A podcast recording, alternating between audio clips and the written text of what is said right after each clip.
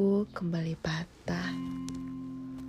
Perihal menitipkan rasa pada manusia. Kembali patah untuk keberkian kalinya. Menjadi salah satu bagian titik rapuh dalam hidup. Perihal asa cinta yang tak terbelenggu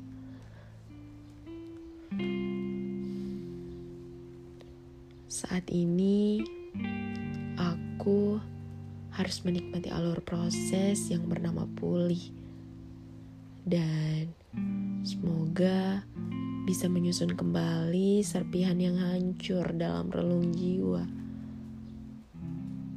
Akankah aku mampu kali ini? Semoga saja aku mampu. Dan satu hal yang kusadari bahwa ini adalah alur kisah yang Tuhan tuliskan untukku.